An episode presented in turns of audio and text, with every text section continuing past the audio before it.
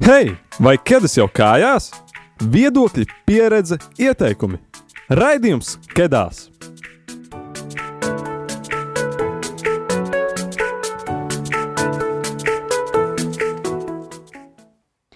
Čau, čau! Es ceru, ka tev ķēdes ir kājās, jo mēs, kā ierasts, esam atpakaļ šajā mēneša pirmajā trešdienā ar jaunu raidījumu par kādu jauniešiem aktuālu tēmu, vai drīzāk kā šoreiz es varētu teikt tēmām, jo, kā mums ir zināms, pasaule ļoti mainās. Visu laiku kaut kas mainās un viedokļi ir ļoti, ļoti dažādi, Un tad uh, bieži jautājums ir uh, kristīgiem jauniešiem, īpaši, kur mēs tajā ieradāmies, kā mums uz to visu skatīties, kā mums runāt ar saviem draugiem, kuri varbūt, uh, kuriem varbūt ir citas vērtības.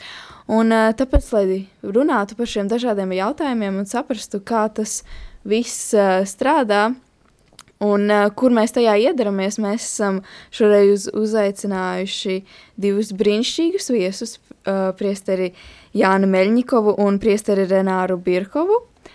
Sveicināti, sveicināti. Jā, lai mēs varētu kopā varbūt nedaudz vismaz saprast, kur mēs šajā ier, iedaramies. Un tad varbūt es lūkšu iepazīstināt nedaudz viesus ar to, kas viņi ir tā ļoti nedaudz, lai mēs varam jau ķerties pie jautājumiem.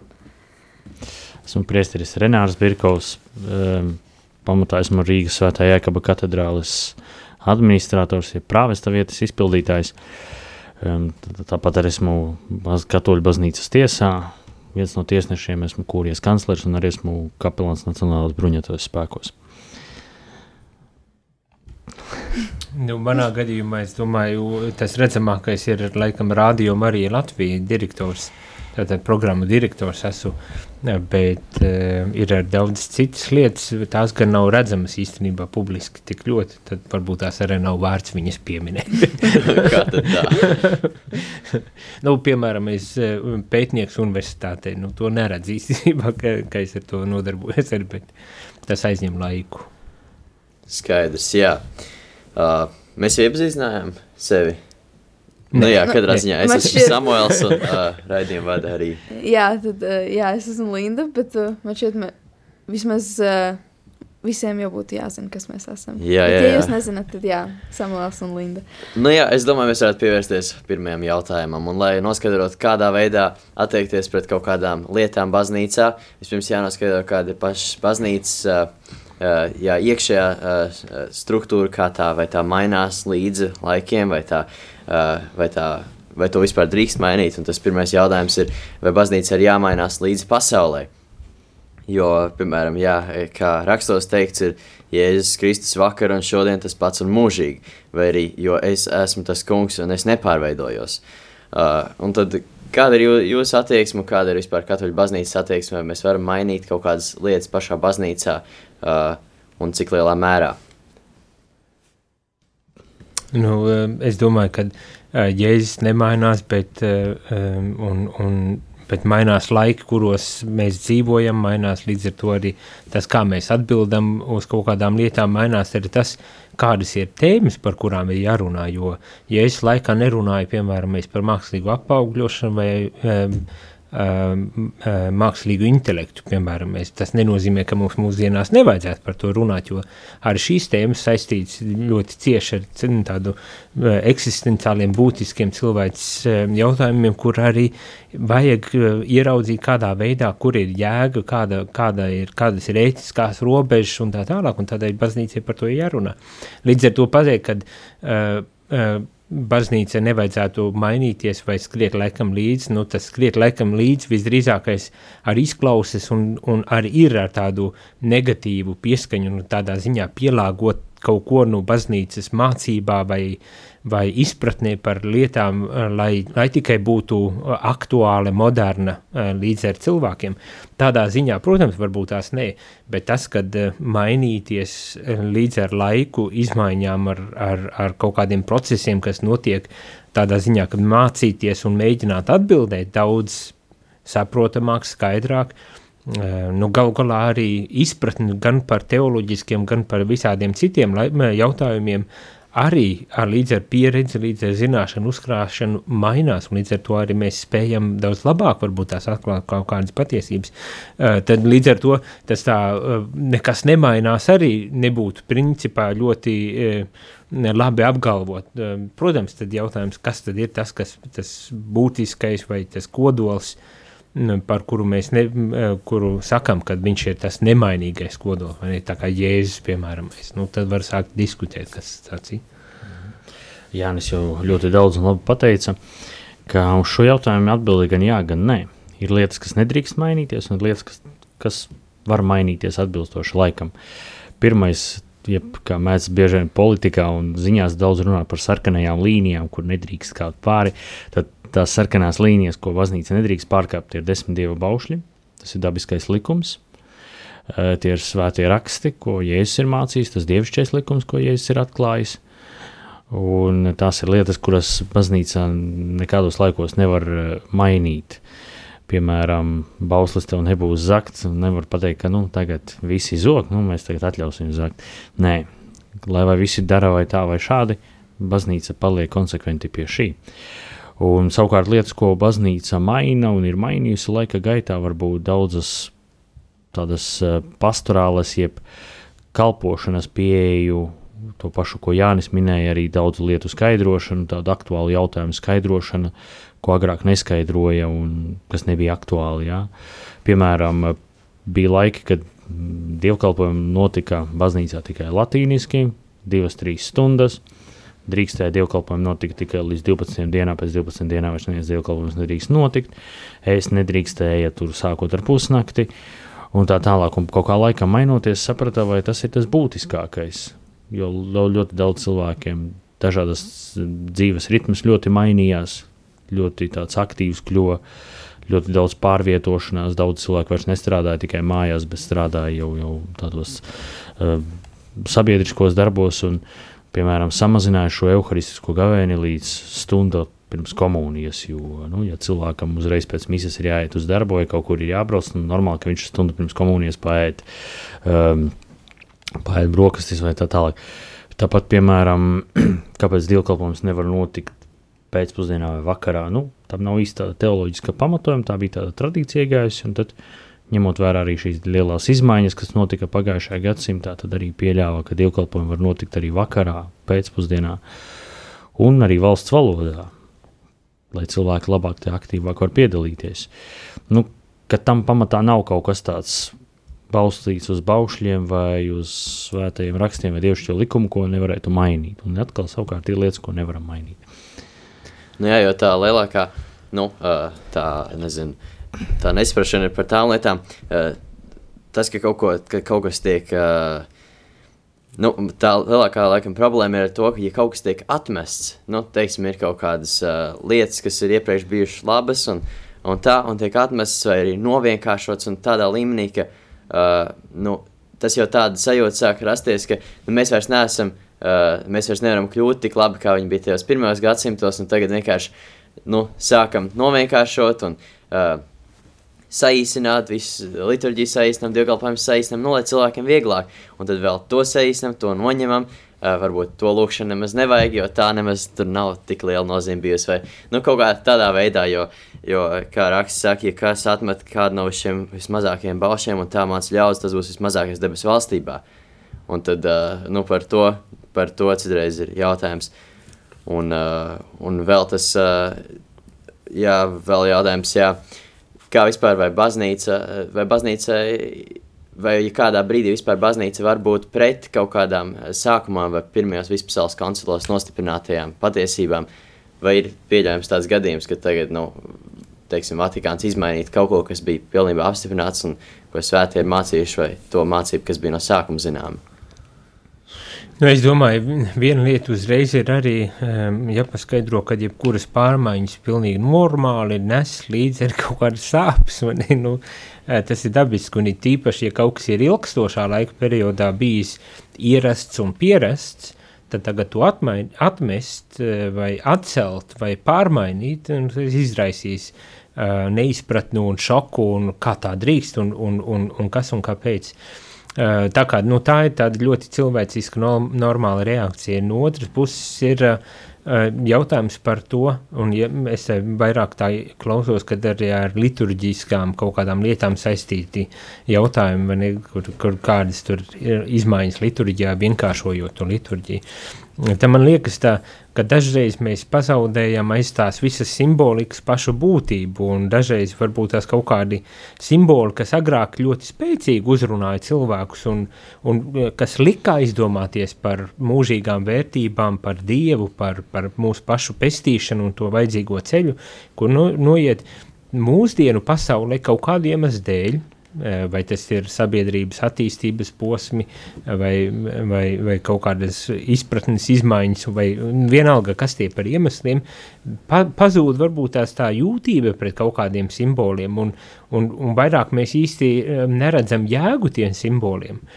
Un tad dažreiz ir vērts, lai atbrīvotos no visa tā uh, liek, nu, liekā no tā, kas ir, kas ir bijis kādreiz labs un vērtīgs un skaists, un lab, ne, lai atbrīvotos un lai uh, savā ziņā jā, padarītu vienkāršāku un saprotamāku arī priekš mūsu laika cilvēkiem to, to jēgu tam, piemēram, liturģijai, tam divkalpojumiem, jeb svētajai ne, ka tā ir sastapšanās vieta ar pašu kungu zem maizes un vīna zīmēm. Un mēs varbūt tās uh, Nu, es jau negribu patiesībā pat teikt, bet nu, savā ziņā jāpiekrīt, ka tāda vienkāršošana ir notikusi. Uh, bet ar to vienkāršošanu uh, ļoti spēcīgu, manuprāt, tiek tieši parādīta atklāta tā evaharistijas, tas tā dieva vārda, bet arī dievu, dievmais, jeb evaharistijas uh, uh, nozīme un vērtība. Ne? Uh, atņemot visas tās, piemēram, stridents, misējas, cik es atceros no saviem studien, studiju laikiem, tad tur bija lūkšana pēc lūkšanas un psalmi un klanīšanās un viss, un viss tik daudz, ka tagad mēs pazustu tajā. Ja ieiet pareizticīgo dievkalpojumā, cepurī nost un gods un cieņa pareizticīgo liturģijā un tā tālāk, bet mēs pazūdam tajā, mēs nesaprotam, kas notiek. Uh, jau šodien mūsu liturģijā, mūsu katoļu liturģijā ienākot cilvēkam, viņš arī nesaprot, kas notiek. Ne? Bet man liekas, tā visa, kas attiec tieši uz to liturģiju, es vismaz to tā uztveru, jurists te blakus sēž, viņš labāk pastāstīs. Bet es to uztveru kā tādu mēģinājumu atklāt to pašu būtiskāko un to paglabāt un, un to eh, izcelt un, un padarīt cik iespējams saprotamāku, skaidrāku. skaidrāku. Tas savā ziņā ir, protams, arī saistīts ar to, ka nu, mūsu laika cilvēkam ir vajadzīga tā racionālā kaut kāda analīze vai racionālais tas pieejams. Nu, katrs, protams, individuāli mēs esam ļoti dažādi, bet tā laika uh, ritms ir tāds, kas ļoti spēcīgi izceļ tieši to mūsu racionālo uh, būtības daļu, un iespējams ar šajā sakarā mums ir kaut kā jā, jānoradicē kaut kas un, un nedaudz jāpadara vienkāršāks, lai, lai mēs spētu to pārstrādāt, uh, saprast, pieņemt un galu galā izdzīvot. Hmm šeit tā ir uz to koncentrēšanās uz to pašu būtiskāko. Un eh, ņemot vērā to vēstures griezumu, skatoties, redzam, ka baznīcas mācība vai tā liturģiskā prakse vai kaut kādas citas tās kalpošanas, ja pastorālās pieejas ļoti daudz ko apaug. Ar kādam laikmetam, ar kaut ko ļoti raksturīgu. Un tad, kad pienāk pamainās laiks, saprot, kaut kas ir nesaprotams, kaut kas neuzrunā šodienas cilvēku. Kaut ko šodienas cilvēks nesaprot, jo tas bija aktuāli pirms simts gadiem vai bišķiņi vēl senāk. Un tāpēc arī ik pa laikam notiek baznīcā šie koncili, gan vietējie koncili, gan visas baznīcas koncili. Pēdējais bija Vatikāna otrais koncils, un kopā šādi lielie baznīcas koncili ir bijuši 21. Un tas nozīmē, ka konkrētajam laikam, ko Dieva vārds, ko evaņģēlijas saka šodienai konkrētam laikam. Tas nozīmē, ka nevis mēs skatāmies, kā tur darīja pirms simts gadiem, bet skatāmies, kā darīja Jēzus uz pašu sākumu. Jā, tur starp Tridentes koncilu un Vatikānu otro koncilu bijuši jau vairāki gadsimti, un uh, neskatās, kā tur bija tad, bet skatās, kā Jēzus teica, ko Jēzus teiktu šodien šai situācijai. Un tāpēc arī pāvests Francisks, kad viņš rakstīja to savu dokumentu jauniešiem, Kristus dzīvo pirms nu jau pieciem, sešiem gadiem, uh, un eh, tur viņš teica, ka baznīca ir vienmēr jauna. Kāpēc tā ir jauna? Tāpēc, ka tā vienmēr cenšas atgriezties pie paša sākuma, pie Jēzus, ko Jēzus teica, ko Jēzus mācīja, un kā tas, ko Jēzus mācīja, attiecināms uz šodienu. Jā, nu, Jēzus savu mācību nodeva, nodeva apstuļiem, apstuļi vēlāk pēc tam nodeva jā, biskupiem un pirmo gadsimtu svētajiem, un es domāju, ka tā mācība, tā pamatmācības, ko mēs atsaucamies, vai, nu, jā, tas ir evaņģēlijs, bet tas ir arī, es domāju, tā, piemēram, kā pirmā liturģijas tās tika izveidotas pirmajos gadsimtos apstuļu mācību didahē, un, un tad arī, piemēram, pareizsīgā baznīca vēl prēm lieto daudzas tur Hrizostoma vai citas jā, izveidotas liturģijas prakses. Nu, jā, un vienkārši tas, ko es tādu mazliet tādu sajūtu, ir, ka it kā mēģinot novienkāršot un it kā mēģinot, it kā mēģinot padarīt to visu liturģiju saprotamāku mūsdienu cilvēkam, tieši pēc Vatikāna otrā koncila, vai tiešām tas ir tā, ka jauna kristiešu paudze rodas, jā, mēs tagad visi saprotam, jo bieži vien tāda sajūta, ka, nu, mēģinām eh, vēl novienkāršot, cilvēki nenāk, tad vēl turpinām, turpinām. Un tad vienā brīdī eh, pazūd arī tas labais, tas skaistais, kaut kas, tas, kas bija, tas viss, tas baznīcas, tas tradici tradicionālais, tas pazūd, un tad, un tad cilvēki jā, kaut kur pazaudē to savu piedarību. Es nezinu, nu, vienkārši tādas pārdomas. Nu, man jau šķiet, ka uh, ir divas lietas. Viena ir, ka pati tā liturģija varbūt tās ir vienkāršota. Uh, ar to mērķi, lai skaidrāk, saprotamāk un, un, un, un vieglāk varbūt tās līdzdalību ņemt tajā visā liturģijā arī garīgā veidā. Bet ja man negribētos arī tā piekrist līdz galam, kad līdz ar to tā liturģija no viss skaistā ir iztukšot. Tā otra lieta man šķiet, ka, kur dažu brīdi vismaz mana pārliecība ir problēma ir tajā, kā mēs kā priesteri, kas esam atbildīgi par liturģiju, kā mēs to nosvinam, jo tad, tad var tur izpausties vis visādos veidos, un dažreiz varbūt tās e, tie veidi, nu, tā maniera, kā tas tiek izdarīts, varbūt tās arī, nu, nav, nav tas, kas uzreiz aizkustina ne, un uzrunā, bet, nu, arī ir dažādi cilvēki, vienam cilvēkam patīk e, tādā veidā, tā maniera, kā tas tiek izdarīts, jo, nu, nevar izslēgt arī to, kad uh, ir šī liturģija, ir šis uh, skaistais un labais un, un, un dievišķais šajā liturģijā, bet neizpaliek arī cilvēciskais. Gan tas priestera uh, izpildījums, gan, gan arī visas dieva tautas uh, puses, un, un katram, un tur ir spriedzi, tajā vienmēr būs spriedzi. Bet nu, savā ziņā baznīca aicina paļāvībā uz, uz to, ka svētais gars vada baznīcu. Un šeit es domāju tieši, piemēram, ir pāvests ar, ar maģistēriju, ar, ar visu to baznīcu tādu uh, bīskapu nu, kolēģiju un, un, un kā lai izskaidro to. Mani, kad caur to baznīca skaidro, kas varbūt tā šajā brīdī būtu tas uh, nu, adekvātākais vai nezinu, labākais veids, kā mm, pielūgt. Šobrīd eh, saka, šeit eh, Dievs mums aicina varbūt tā šādā veidā to darīt. Un, mm -hmm. un arī pieņemt to, ka nu, ir, ir, katram ir sava patika, katrs var meklēt kaut ko, bet dienas beigās uh, būtiskais jau ne, nav izmainīts. Nu, šajā gadījumā Dievu vārdu mēs vēl joprojām klausāmies, mēs viņu skaidrojam, tāpat kā mēs pieņemam Euharistiju, tas ir dalāmies ar Kristu, uh, kurš ir zem šīs maizes un vīna zīmes. Jā, nu, nu, es tā domāju. Skaidrs. Ļoti precīzi Jānis pateicam, kā atslēga, neskatoties uz to liturģijas vienkāršošanu vai mainīšanu, ir tā mūsu paša attieksme, tā dievbijība ar to svētuma sajūtu, kādu mēs pieejam. Jo pēc Vatikāna otrā koncila liturģijas nav atcelta tā dievbijība, dievbijības attieksme, sagatavojoties dievkalpojumam, pateicoties pēc dievkalpojumam, rūpējoties par liturģiskajām drēbēm, par liturģiskajām darbībām, par to visu tas jau nav atcelts. Un, eh, tas, ka jā, varbūt agrāk bija daudzi žesti, kas tieši mudināja uz to dievbijības izrādīšanu, bet tas nenozīmē, ka tas saskanēja ārējais ar iekšējo. Ja? Ka iekšējam ir jābūt tā iekšējai nostājai, ar kādu mēs pieejam pie altāra, ar kādu mēs viņu svinam, ar kādu ticīgais atnāk uz dievkalpojumu. Jo arī agrāk, cik man arī ir stāstīts, ka nu, nemaz tik, tik vienkārši nebija.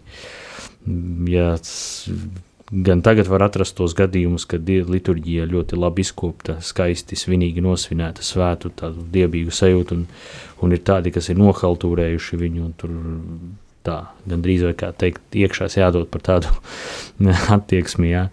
Un arī toreiz pie vecās liturģijas bija tādi, kas tiešām nopietni tam piegāja ar lielu dievību, ar lielu tādu skaistumu un svinību, un atkal tādi, kuri nohaltūrē, neskatoties uz to, cik dievīgi tā liturģija bija pēc sava apraksta. Jā.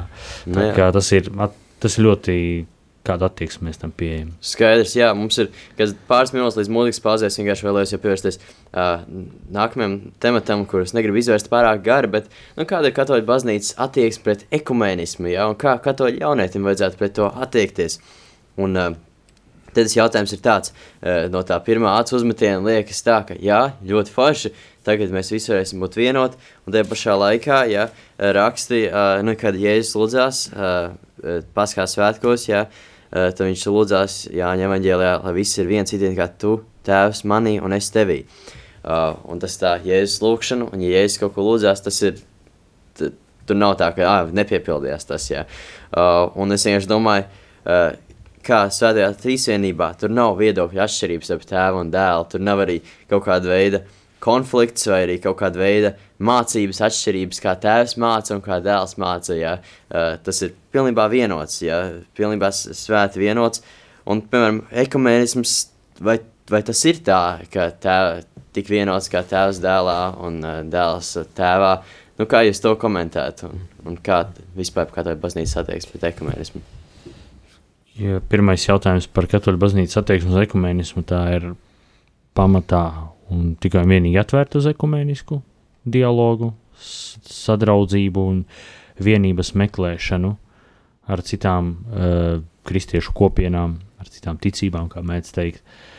Un uh, par to, ko minēja par to trīsvienību, tas ir tas ideāls, uz ko jātiecas. Un tā kā trīsvienībā ir šis ideāls, kur ir savstarpējā tā mīlestība, vienota svētajā garā, un tās nav starp kristiešiem. un Līdz ar to, kamēr kristieši vairāk tuvosies dievam, tuvosies viens otram.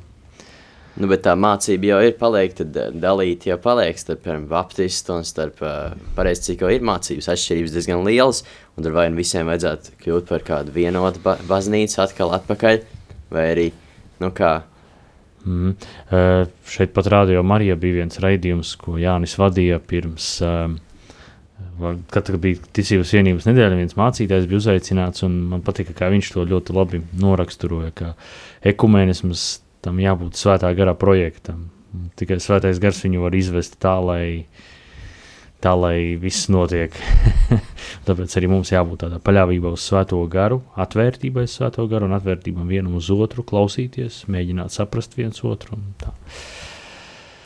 Varbūt jūs varētu nedaudz pakomentēt, kā jaunietim uh, noorientēties visā šajā, jo uh, mēs zinām, ka ļoti daudz notiek tagad uh, dažādas ekonomiskas ir nometnes, ir piemēram oāze, arī mūsu pašu komanda savā ziņā ir ekumeniska, un tad varbūt varat paskaidrot apmēram, kur varētu būt robežas, varbūt kur pāri neiet, kā, vai, eh, piemēram, jaunietis no vienas konfesijas var doties uz citas konfesijas dievkalpojumu, vai katoļu jaunietis var doties uz baptistu slavēšanu, vai, piemēram, ja jaunietim nenotiek nekas savā draudzē, vai viņš var doties uz citas konfesijas draudzi, kurās notiek dažādi pasākumi.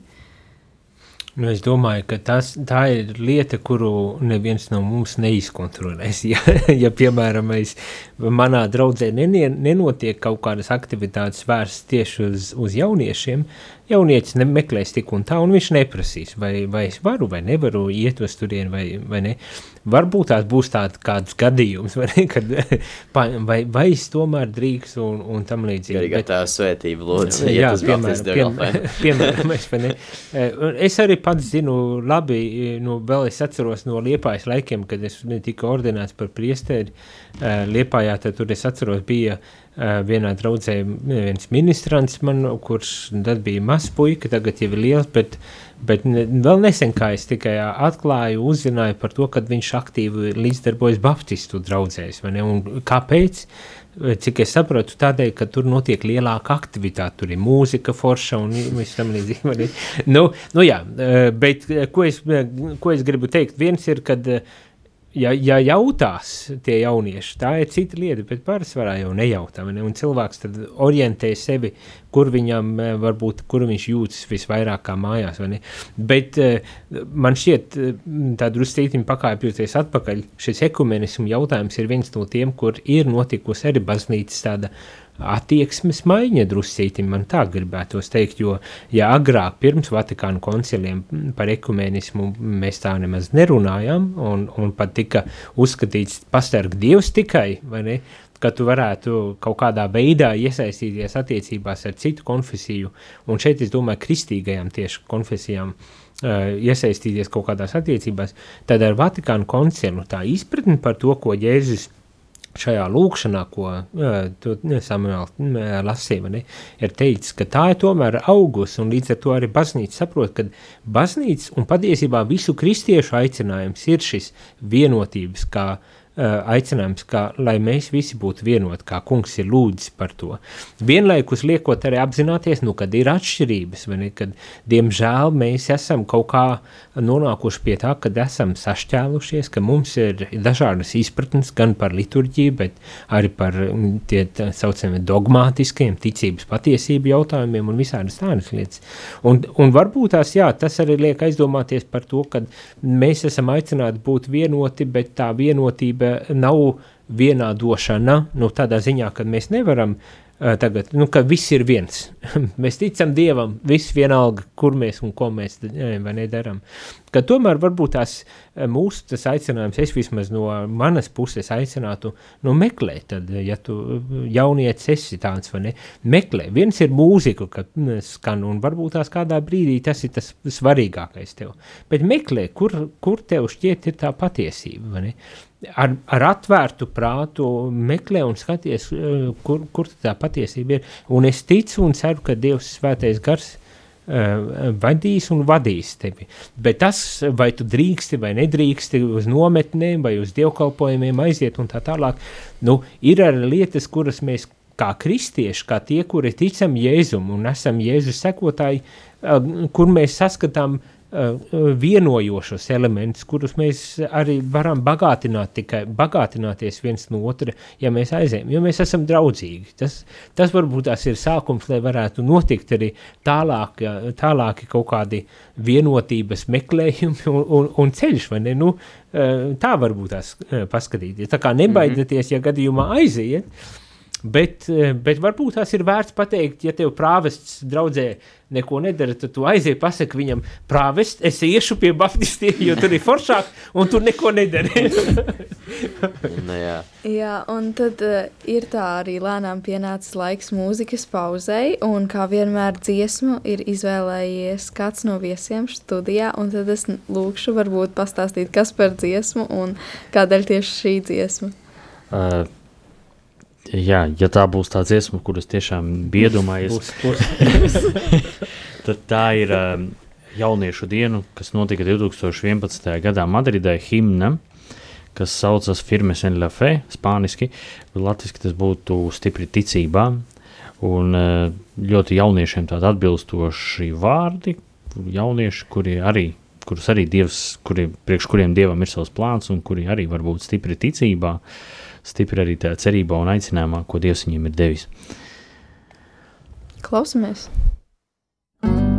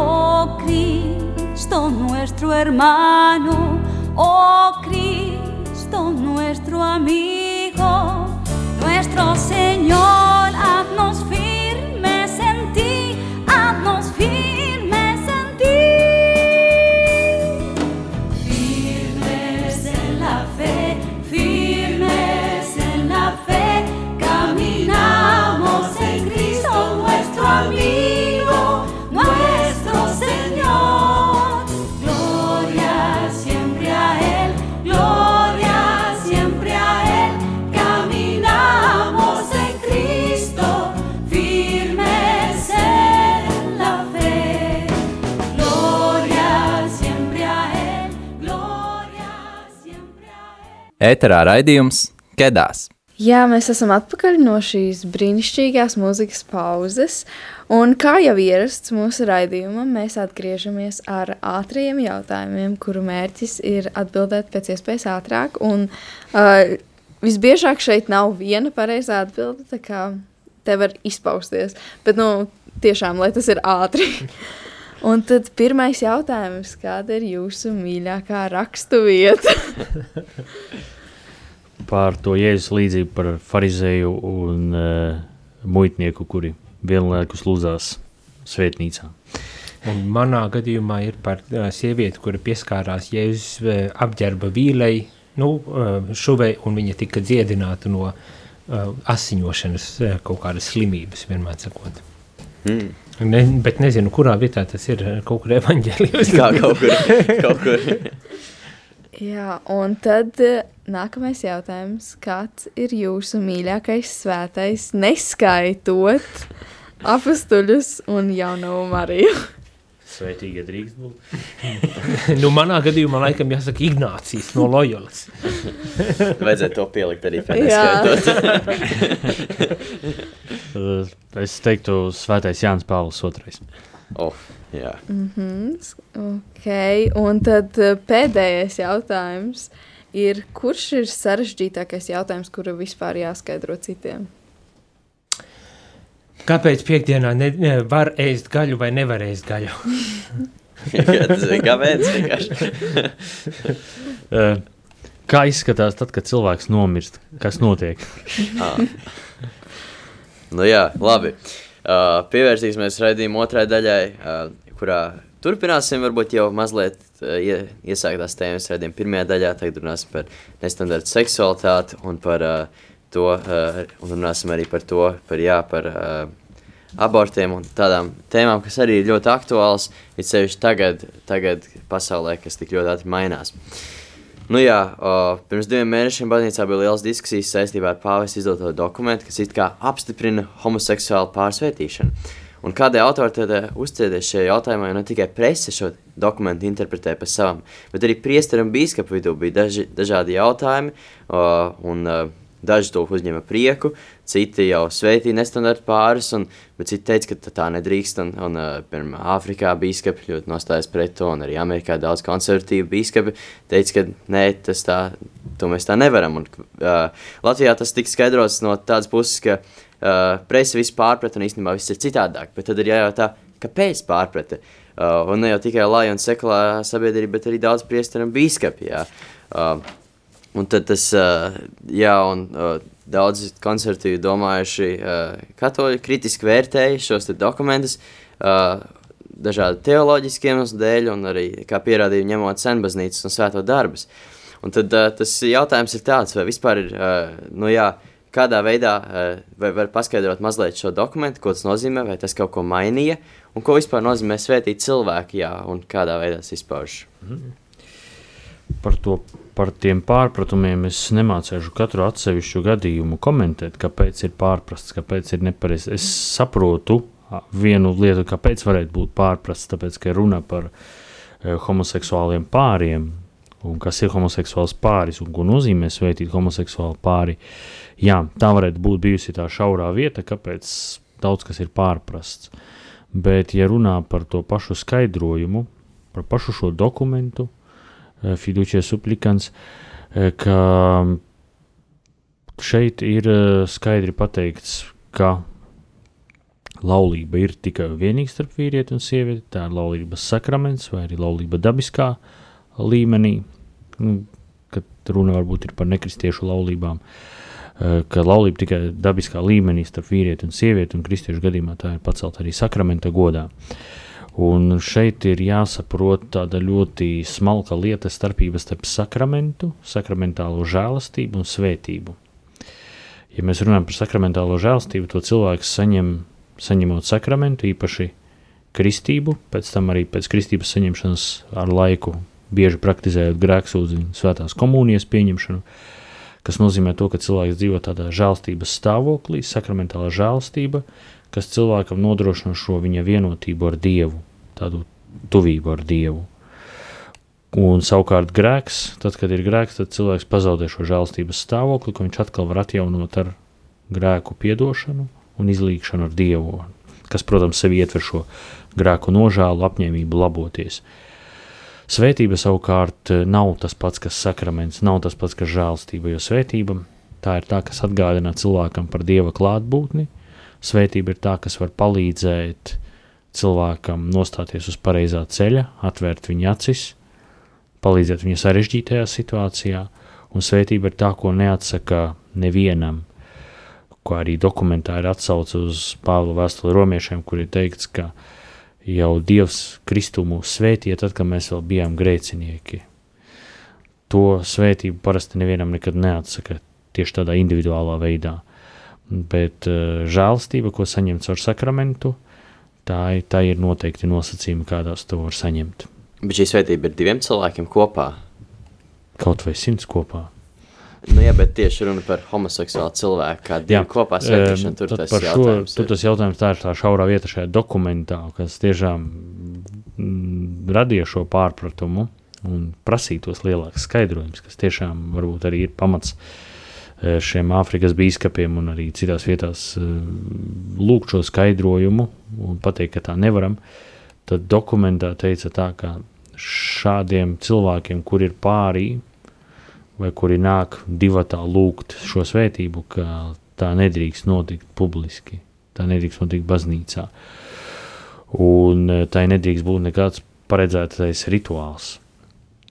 Un, eh, un nosacījums ir šādam pārim, kurš atnāk, ka viņi saprot, ka tas nav ok, ka viņi var lūgt šo svētību, lai mainītu šo savu situāciju, lai Dievs viņiem palīdz nokārtot šo situāciju katram atsevišķi vai abiem kopā, vai vēl kaut kā. Tas, tā ir tāda ļoti smalka diskusija, kur mēs tagad varbūt nevaram tā ieiet. Bet uh, tie nosacījumi, ka svētību var saņemt tāds, kurš uh, skaidri saprot, ka tas nav ok. Nevis tāds, kurš oh, mēs esam tādi, mums ir jāpieņem tādus, jums mums ir jāsvētī tādus. Nē, tādā gadījumā šī svētība nu, viņai nav nozīmes. Mm -hmm. Viņai nozīme tikai tad, kad ir, uh, jā, kad ir šī skaidra izpratne par lietas būtību. Un man liekas, ka pēc tam, kad bija iznācis šis dokuments, iznāca vēl viena maziņš paskaidrojums, un, un pāvests man šķiet arī pats kaut kur bija runājis, eh, kas bija publiski arī eh, pieejams, kur tika paskaidrots, ka, jā, lai arī sākumā tur nebija skaidrības par to, vai tad nu, pārim dod to svētību, vai tā kā individuāli, tad pāvests pēc tam uh, paskaidroja, ka tā ir individuāla svētība domāta. Nevis kā pāris nāk un pāris svētību, bet kā individuālam cilvēkam dot šo svētību. Un, protams, ka tas uh, vienmēr ir, no cilvēka puses tāds uh, vēlme pēc dieva klātbūtnes viņa dzīvē kaut kādiem dēļ. Dažreiz tas varbūt tās arī uh, izpratni par par to, ka kaut kas dzīvē nav kārtībā un kad man ir vajadzīga šī kārtība, kuru dažreiz vienīgi Dievs var eh, mums palīdzēt iegūt, vai, ne, vai vēl kādu iemeslu dēļ viņš var nākt un lūgt šo, šo svētību, vai ne. Un jebkurš eh, šajā gadījumā tādu svētību var saņemt, tā skaitā arī šie homoseksuālie uh, cilvēki, ne, bet vienmēr ar apzinoties, ka mēs neesam pilnīgi, nu, ja viens, neviens nav pilnīgs, vai tu esi homo vai hetero vai, nu jā, sievieti, vīrietis, melni, vienalga kāds, man ir, nu, kad mums ir uh, Un tas ir tā, tā ir tā, man liekas, kristīgā ar tādu pārliecību, ka mēs neesam pilnīgi un ka mums visiem ir vajadzīga arī tā žēlastība un dievišķais uh, spēks un atbalsts un padoms, lai mēs varētu iet un, mm -hmm. un mainīties un varbūt tās arī atgriezties no kaut kādiem grēkiem un nepilnībām, kuras, kurās esam iestiguši, varētu pat varbūt tās tā teikt. Un tāpēc, tāpēc šī, šis paskaidrojums par to, ka ir šādas svētības, Turklāt eh, arī eh, jāpiezīmē, ka tas, tas svētības pamatā tur runā vispārīgi par svētībām, un tie homoseksuāli bija pavisam maza tāda uh, piezīme, kas, protams, izraisīja emociju milzīgu un milzīgas diskusijas un, un, un, un kontroversijas, un, un, un to mēs redzam, ka šī ir tā tēma, tā seksualitāte vispārīgi kā tāda tēma, kas ir ļoti karsta un ļoti uh, ļoti kontroversāla tēma baznīcā, un, un tiklīdz kaut kas tiek pieminēts tā, mēs pat eh, īsti ne, neie, neiedziļinamies un necenšamies par to domāt. No vienas puses to izmanto, uh, lai pamatotu vai attaisnotu savu kaut kādu uh, domu, ideju vai, vai dzīvesveidu, un otras puses atkal mēģina kaut kādā veidā to pagriezt un paskaidrot un pamatot uh, pretēji un nosūdīt tos otro cilvēku. Bet, bet man šķiet, tā, tā ideja kopumā bija ļoti un ir ļoti laba un skaista, kad, kad um, cilvēks, kurš atpazīst vajadzību pēc dieva klātbūtnes, atpazīst vajadzību pēc uh, dzīves um, pārmaiņas, pēc, uh, pēc, uh, pēc atgriešanās, ka viņš var nākt un lūgt šo svētību, un cerībā, ka Dievs tad arī mm, svētī, un kad viņš arī ir tas, Dievs ir tas, kurš te palīdz varbūt tās iet, iet šo dzīves ceļu. Nu jā, tad tas tā kā, tas, cik es saprotu, tas uh, uh, lielais, tas, ja, tā problēma bija tāda, ka netika pietiekami skaidri ja definēts uh, vai starp diviem cilvēkiem, vai starp vien, vai vienam cilvēkam, uh, Nu, jau, piemēram, Bīskapa Vācijā, ja tur un uh, Amerikā, tur James Mārtiņš un citi uh, tur liberāli domājuši priesteri, jau uzreiz publicē fotogrāfijas, kā viņi tur sveic savus draugus un tā, kad, laikam, tur, tur, bija, tas, uh, tur bija tā problēma. Nu, es arī tā domāju, ka, laikam, tas nebija skaidrs, jā. Mhm. Nu, jā, tad mums ir tālāk jautājumi. Jā, un tad uh, raidījums tā jau lēnām tuvojas uh, izskaņai, tā lēnām, lēnām mēs jau uh, tuvojamies beigām, bet uh, mēs esam runājuši par dažādiem diezgan aktuāliem jautājumiem, kuri arī ir tādā ziņā mums, kā katoļiem uh, un vispār kristiešiem, varbūt diezgan saprotami par, uh, nu, lai gan par šo pāvestu dokumentu tas varbūt mazāk, bet ir dažādi viedokļi, kas varbūt mums šķiet saprotami, bet uh, Protams, mēs dzīvojam pasaulē, kuros uzskati un viedokļi ir ļoti daudz, un tie ir ļoti dažādi.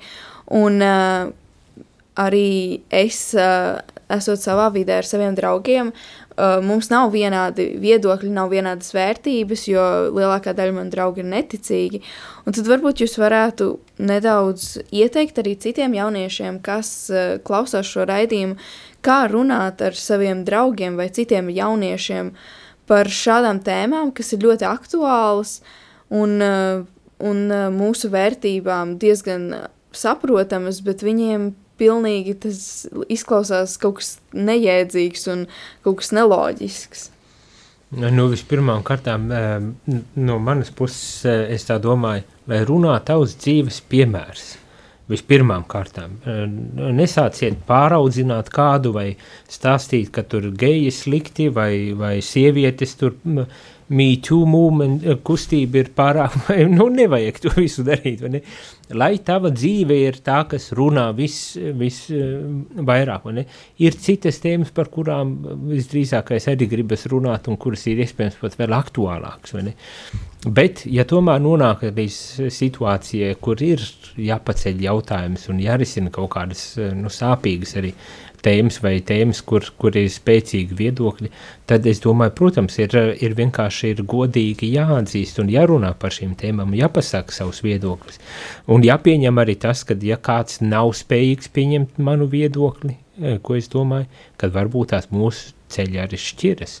Bet es domāju, jābūt arī godīgam pret sevi. Tas, protams, ietver to, ka es vispirms pats izdaru savu mājas darbu, tas ir, es iepazīstos ar to tēmu, Es uzzinu, mm, ko tad un kā baznīca, piemēram, par to runā. Varbūt tās ir vēl kādi eksperti vai, vai, vai kas, kā, kā par to tiek uh, runāts. Un tad, es, tad man ir šī gan argumentatīvā daļa, es varu iet un diskutēt ar šiem cilvēkiem, uh, un, un, un beigu, beigās nu, atstāt to, gribas teikt, tā dieva ziņā. Es, es izdaru savu daļu darba, izskaidrot, cik es māku, arī atzīt to, ka es varbūt tās nezinu dažreiz, jo ir arī īpaši šie lielie jautājumi, kas mums tādi ir, ir daudz, kur es nezinu, kā lai paskaidro. Man varbūt tās tā sajūta par patiesību ir, bet kā lai to izskaidro, es nezinu. Ne, bet savās iespēju robežās es to izdaru un tad atstāt, lai, tas, lai Dievs to dara. Bet man uh, gribas atgriezties pie tā pašā sākumā, ko teicu, kad lai tavas dzīves piemērs ir tas, kas par, par uh, liecina, lai tas ir dzīves piemērs, kas runā visvairāk. Jo, jo neviens jau neklausīsies tavās gudrībās, nevienam neinteresēs. Vai būs ļoti maza daļa, kam, kam tas interesēs. Ja tu kā kristietis vai jauns kristietis vai ne, liekulīgi dzīvosi, te es padaru to, te es dzīvoju citu kaut ko, ne, nu, tas ne par ko nerunās īsti, un tava autoritāte sarunās ar otru cilvēku, kuram varbūt tās ir šie karstie jautājumi, arī nebūs nekā vērta, lai vispār diskutētu. Ne? Es pilnīgi piekrītu tam, ko Jānis teica, ka pirmkārt tas ir mūsu pašu piemērs, kā es dzīvoju savu ticību, cik tas, kam es ticu un to, ko es runāju, saskan ar to, ko es daru ikdienā, uh, Un vēl viena lieta ļoti svarīga arī ar saviem vienaudžiem ir tāds draudzīgums, savu tādu draudzīgo un laipnu attieksmi pret viņiem. Tas, tas ļoti var uzrunāt. Viņi sajūt, varbūt, varbūt ne uzreiz viņi paši mainīsies, bet viņi cienīs jūsu izvēli, jūsu izvēli būt par ticīgo. Un, kas zina, Dievs svētais gars arī caur to darbojas, ka arī viņi paši caur to arī atgriežas. Jā, tiešām skaisti arī tādi ceļavārdi varbūt nākotnē jauniešiem, bet eh, tad jā, mēs esam pietuvojušies pašām pašām raidījuma beigām, un eh, ja ir vēl kādi varbūt ceļavārdi, kā navi, ga, ga, nu, vispār kā dzīvot šobrīd kā kristietim un jaunietim, tad eh, šis būtu laiks, kad jūs varat uzrunāt mūsu klausītājus. tā nesagatavota varbūt tāda, bet es tā, man tagad vienkārši pie sevis ienāca prātā tā doma, jo par to es jau kādu nedēļu divas esmu aizdomājies. Piemēram, mēs pāvests ir daudz runājis par prieku, kā kristieša tādu redzamo izpausmes zīmi. Es domāju, no jauniešiem sagaidām to prieku. bet, bet man arī gribētos ticēt un cerēt arī drusku šajā beidzamā jautājuma kontekstā, nu, kad cerība, kad, kad visas atbildes un dzīvesveids un, un, un, un lai kas tas būtu, lai, lai tas būtu tāds, kas tiešām dod eh, cerību. Nu, gan, gan arī attiecībā uz homoseksuāliem, gan par šķirtiem pāriem, kas arī ir liela problēma, ne? Eh, gan par jauniešu attiecībām, meklējot savu otro pusīti vai ejot cauri jauniešu vētrām ne? un, un visu to. Nu, lai, lai tas viss, ko, ko jaunietis dara, ma- es jau gribas jau man arī sevi pieskaitīt pie jauniešiem, lai gan laikam vairāk tāds ne, neskaitos tehniski, vai ne? Bet lai, lai viss, ko, ko mēs darām, lai tas tiešām būtu ar tādu, nu, nu, cerības liecība, vai ne? Pāvests arī tāpat ir teicis, kaut kad laikam jauniešiem teicis, ka nebaidieties sapņot. Un, ja ir labi sapņi, iespējams tā ir Dieva griba, un tieši sapņi ir tie, kas mūs virza uz priekšu, virza uz priekšu pieņemt labas izvēles, tādas arī kristīgas izvēles pieņemt, lai tiektos uz šiem saviem sapņiem. Un tieši sapņi ir tie, kas mums palīdz dzīvot un izdzīvot mūsu ticību. Jo, ja būs ticība tikai tāpēc, ka tā ir jābūt, tāpēc, ka tā ir jādara un tā dara, droši vien arī ievedīs varbūt kaut kādā nomāktībā, varbūt arī pat nepareizās sliedēs. Bet ir kaut kāds mērķis, ir kaut kāda šī labā griba, tad arī mēs tiksim virzīti ļoti labos. To es arī pats no savas pieredzes varu ļoti labi, labi apliecināt, ka cik svētīgi ir sapņot, un, un beigās varbūt pat izrādās viens otrs sapnis ir bijis Dieva griba. Tas ir kaut kas ļoti, ļoti skaists. Jā, liels paldies jums. Paldies, ka arī tu, klausītāji, esi bijis kopā ar mums šajā raidījumā par ā, šiem aktuālajiem jautājumiem, kur ir gan baznīcā, gan arī ikdienā.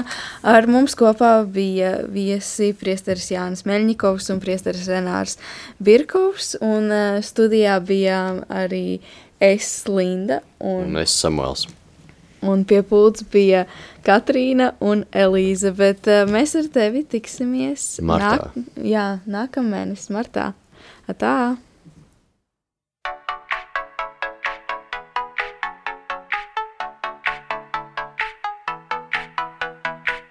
Tikko dzirdēji raidījumu Kedās. Seko mums Facebook un Instagram etraidījums Kedās. Tiekamies katru mēnešu pirmajā trešdienā, pulksten astoņos vakarā.